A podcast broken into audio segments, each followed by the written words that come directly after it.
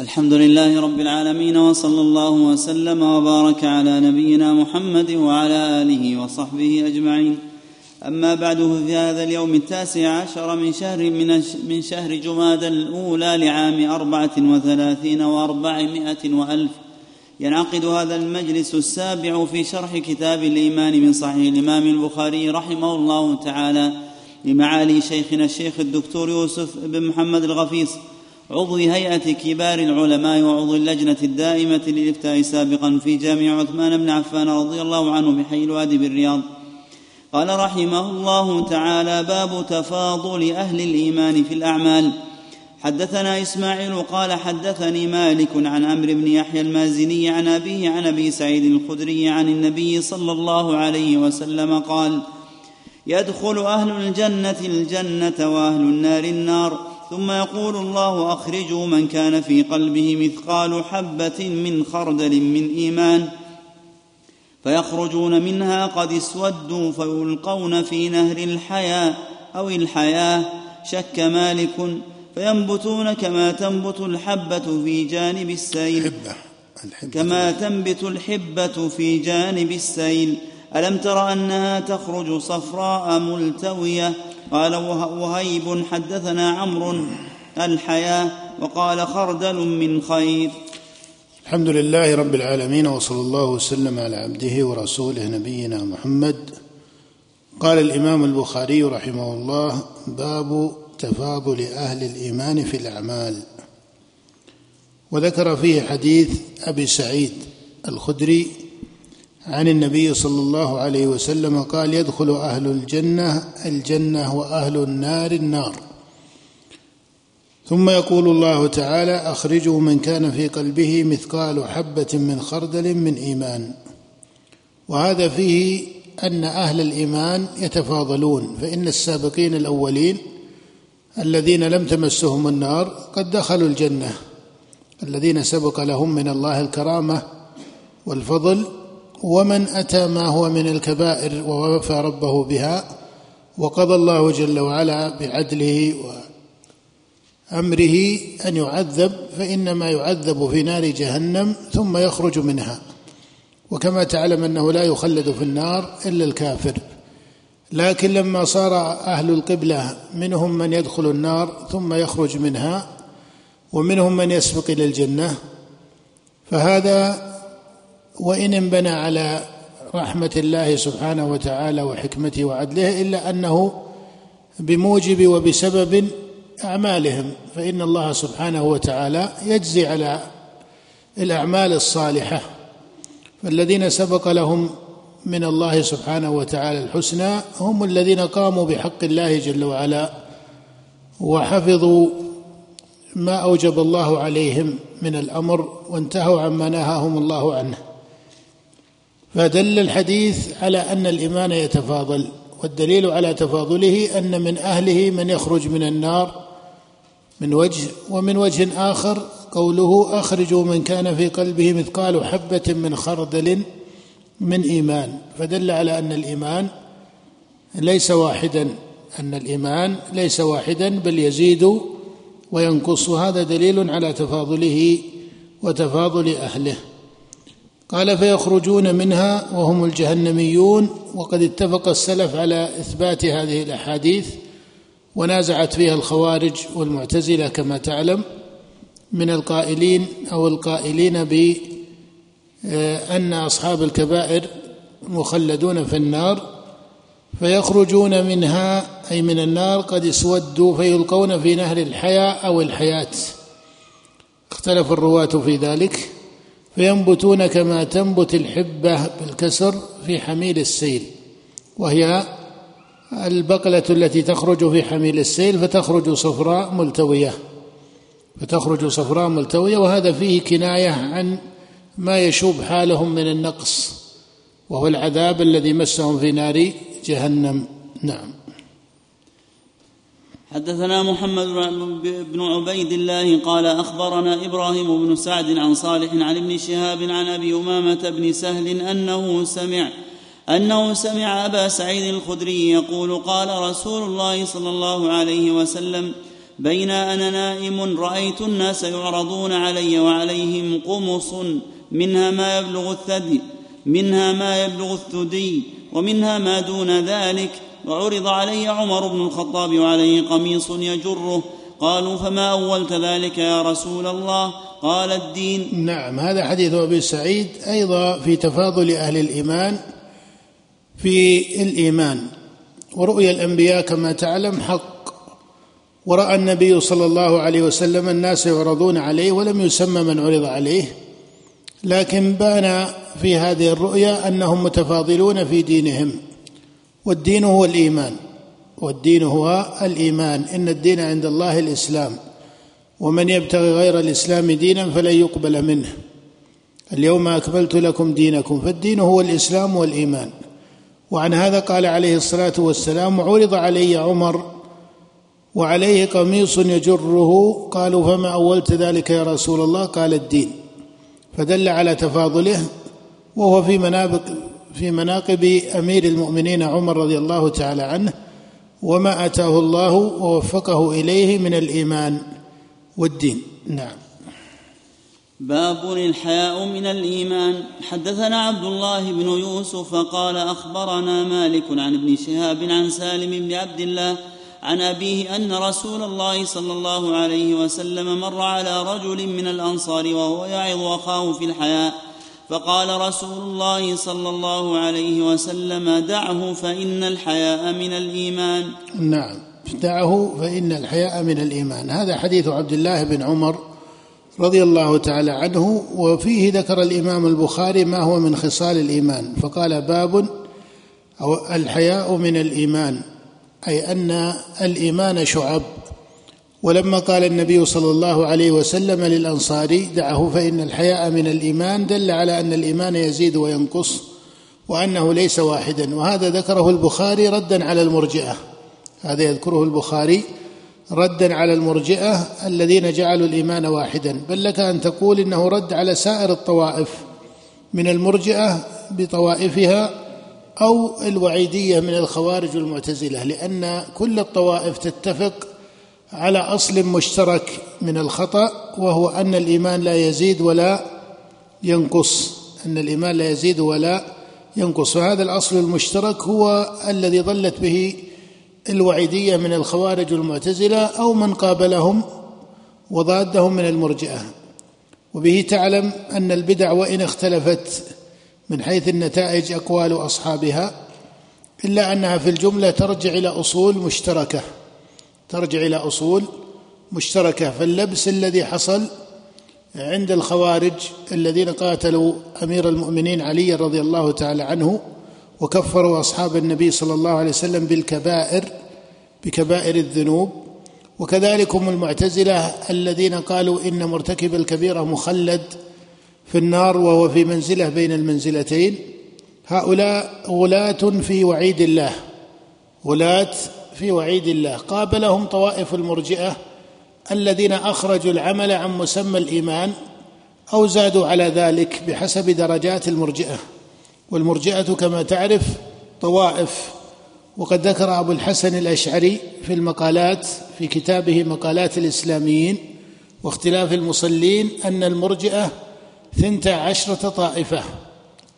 أعظمهم وأشدهم ارجاء طريقة جهم وأخفهم ارجاء. طريقة بعض فقهاء الكوفة كحماد بن أبي سليمان وأمثاله. والطريقة الكوفية التي عليها بعض علماء الكوفة أئمتها من أئمة السنة. وإن كان قولهم خطا ولكنهم لا ينسبون إلى أهل البدع بإطلاق بل هم من أئمة السنة. وحماد بن أبي سليمان إمام مشهور وله فقه مشهور وفضل مشهور. وإن كان قوله خالفه فيه جمهور أهل الكوفة فضلا عن أئمة الأمصار من بغداد وسائر الأمصار العراقية أو الأمصار الشامية أو الأمصار المدنية والمكية على الحجاز المدينة ومكة في ذلك التاريخ وأهل العراق وأهل الشام. فليس هذا قول ما قاله حماد بن أبي سليمان ليس هو قول أئمة الكوفة من قبله فإن أئمة الكوفة قبله كأصحاب عبد الله بن مسعود علقمة والأسود بن يزيد وعبيدة وغير هؤلاء هؤلاء كلهم يقولون بما كان عليه الأئمة في سائر الأمصار. وكذلك من جاء بعد أصحاب بن مسعود حتى من تأخر كإبراهيم النخعي إمام الكوفة فإنه كان على طريقة عامة السلف في هذه المسألة. ثم عرض لحماد بن أبي سليمان مع جلالته عرض له هذا الخطأ فقال هذه البدعة في مسألة الإيمان وهي أن العمل لا يدخل في مسمى الإيمان. لكن يعلم أن هذا ليس قول لسائر الكوفيين. ولهذا أبو بكر الآجري من من صنف في مسائل أصول الدين في كتابه الشريعة في مسائل أصول الدين. لما ذكر أن الإيمان قول وعمل قال وعلى هذا سائر أئمة الأمصار. فترى أن أبا بكر الآجري في كتابه روى عن البصريين أئمة البصريين من المحدثين والفقهاء كلهم يقولون الإيمان قول وعمل. ونقل عن البغداديين ونقل عن الشاميين ونقل عن المدنيين والمكيين ونقل عن من؟ ونقل عن من؟ عن الكوفيين. بل زاد بعضهم في النقل عن الكوفيين لينبهوا إلى أن هذا المذهب الذي قاله حماد رحمه الله ليس مذهبا لسائر الكوفيين. وتقلده كثير من الكوفيين بعده واشتهر بنسبته للإمام أبي حنيفة رحمه الله. اشتهر لما نسب هذا القول للإمام نسبه الحنفية للإمام أبي حنيفة رحمه الله. فهذا قول أربابه وأئمته من أصحاب السنة والجماعة وإن كان هذا القول خطأ وبدعه من حيث هو. فالمقصود أن هذا القول ليس قولا لسائر الكوفيين وبالجملة فالمرجئة بأقوالها التي ذكرها الأشعري أبو الحسن الأشعري ومن يقابلهم وهم الوعيدية من الخوارج والمعتزلة وإن كانت اقوالهم متضادة ما بين المرجئة والخوارج والمعتزلة إلا أنهم يشتركون في أصل واحد. ما هو هذا الأصل؟ أنهم لم يسلموا أو لم يستوعبوا بعبارة أدق. ما تضمنته النصوص من أن الإيمان يزيد وينقص مع أنك ترى هذا ظاهر في كتاب الله. مع أنك ترى هذا ظاهر في كتاب الله ويزيد الله الذين اهتدوا هدى. وإذا ما أنزلت سورة فمنهم من يقول أيكم زادته هذه إيمانا؟ فزيادة الإيمان وتفاضل أهل الإيمان في الإيمان أمر صريح بالنصوص من كتاب الله وفي سنة النبي صلى الله عليه وسلم وأمر بدهي في الإدراك. وامر بدهي في الإدراك فإن الناس يتفاضلون في إيمانهم. وليس ثمة عمل كما سبق متجرد عن القلب أصلا. ليس ثمة عمل حتى يقال إنه داخل في الإيمان وليس داخلا فيه. ولهذا قال الله جل وعلا وما كان الله ليضيع إيمانكم وإنما هو صلاتهم إلى بيت المقدس قبل نسخ ذلك. فاشترك هؤلاء أن الإيمان لا يزيد ولا ينقص. فلما قالت الخوارج والمعتزلة لا يزيد ولا ينقص جعلوا مرتكب الكبيره مخلدا في النار وقد عدم الإيمان بكبيرته. لكن الخوارج اجترأت على كلمة الكفر فسمته ماذا؟ سمته بكبيرته كافرا. وهؤلاء الخوارج جمهور الخوارج على هذه التسمية أنه كافر كفر ملة كما يعبرون. وهذه طريقة أكثر طوائف الخوارج كالنجدات. أتباع نجدة بن عامر الحنفي والأزارقة أتباع نافع بن الأزرق. وهؤلاء كانوا في زمن أواخر عصر الصحابة وزمن التابعين. وطائفة من الخوارج يقولون كافر كفر نعمة ولا نقول إنه كافر كفر ملة. ولكنهم يتفقون مع سابقيهم على أنه مخلد في النار.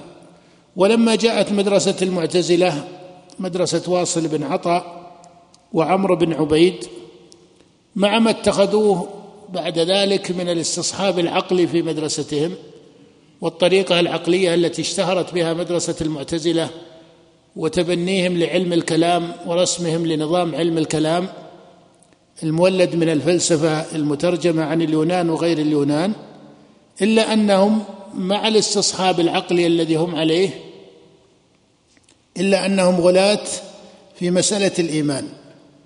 فقالوا إن الإيمان لا يزيد ولا ينقص وأنه واحد فمن ترك ما هو واجب فيه بفعل الكبيرة أو ترك الفريضة فيكون ماذا؟ قد عدم الإيمان. لكن المعتزلة لم تسمه كما سمته الخوارج كافرا بل سمته فاسقا بل سمته فاسقا والفسق عندهم الفسق المطلق الفسق عندهم الفسق المطلق وهو الذي سموه في أصولهم أو أشاروا إليه في أصولهم المنزلة بين المنزلتين. يقول منزله بين المنزلتين منزلة الإيمان والكفر وهي منزلة الفسق. فإن قال قائل أليس في كلام أئمة السنة والجماعة أنهم يسمونه فاسقا؟ والله يقول في كتابه إن جاءكم فاسق بنبأ.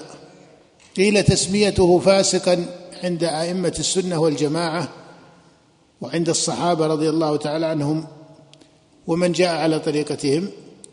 يسمونه فاسقا ولكنه فاسق ليس الفسق المطلق لأن الفسق المطلق هو الكفر بالله.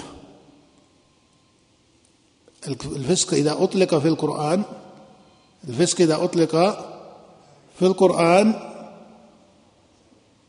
فإنما هو الكفر بالله كما قال الله عن إبليس وإذ قلنا للملائكة اسجدوا لآدم فسجدوا إلا إبليس كان من الجن ففسق عن أمر ربه.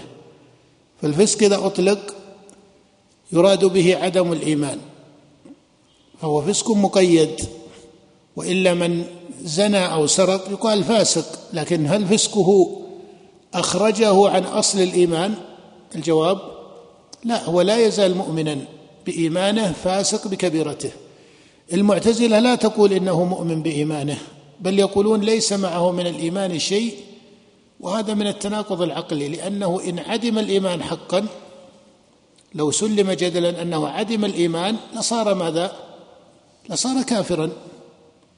فكيف يصح أنه يعدم الإيمان ولا يكون كافرا؟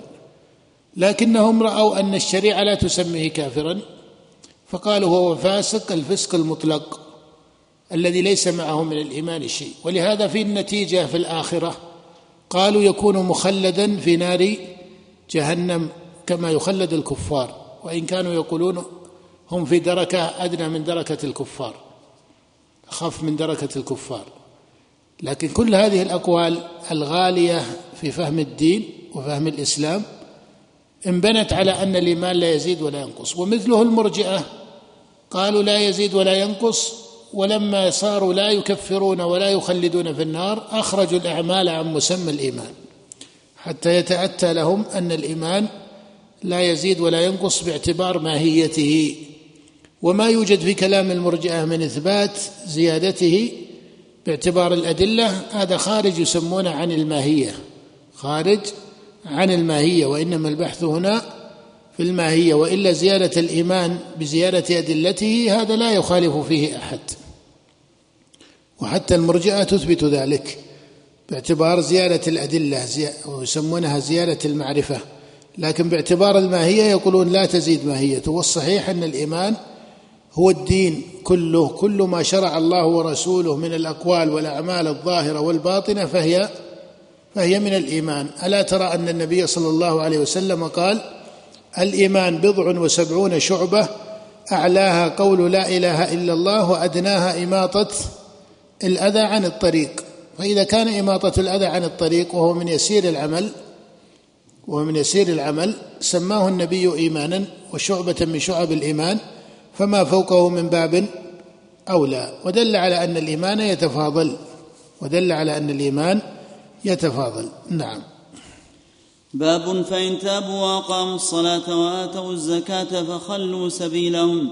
حدثنا عبد الله بن محمد قال حدثنا أبو روح الحرمي قال ابن عمارة قال قال أخبرنا شعبة عن واقد بن محمد قال سمعت أبي يحدث عن ابن عمر أن رسول الله صلى الله عليه وسلم قال أمرت أن أقاتل الناس حتى يشهدوا أن لا إله إلا الله وأن محمدا رسول الله. ويقيموا الصلاة ويؤتوا الزكاة.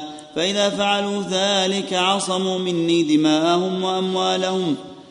عصموا مني دماءهم وأموالهم إلا بحق الإسلام وحسابهم على الله. نعم. فدل على أن هذا العمل كله من الإيمان وأصله التوحيد.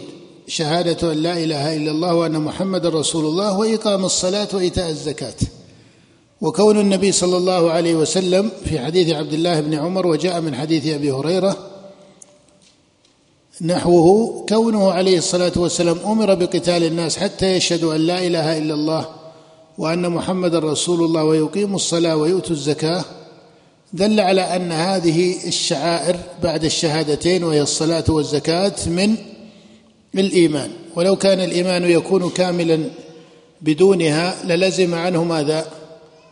لو كان الإيمان يقع كاملا بدون الصلاة والأعمال للزم عنه أن النبي أمر بقتال المؤمنين المحققين للإيمان. وهذا بعيد عن الشرع غريب على العقل. هذا بعيد عقلا وشرعا. فدل على أن هؤلاء لم يقيموا الإيمان. أما مسألة الكفر بهذه المباني وهي الصلاة والزكاة والصوم والحج فهذا بحث آخر. إنما الشاهد هنا أن هذه الأعمال داخلة في مسمى الإيمان وهذا حديث عبد الله بن عمر. ولهذا قال الإمام البخاري رحمه الله باب فإن تابوا وأقاموا الصلاة وآتوا الزكاة فخلوا سبيلهم. فدل على أنهم بهذا أتوا بأصل الإيمان وقواعده وأصول شرائعه. نكتفي بهذا وبالله التوفيق وصلى الله وسلم على نبينا محمد.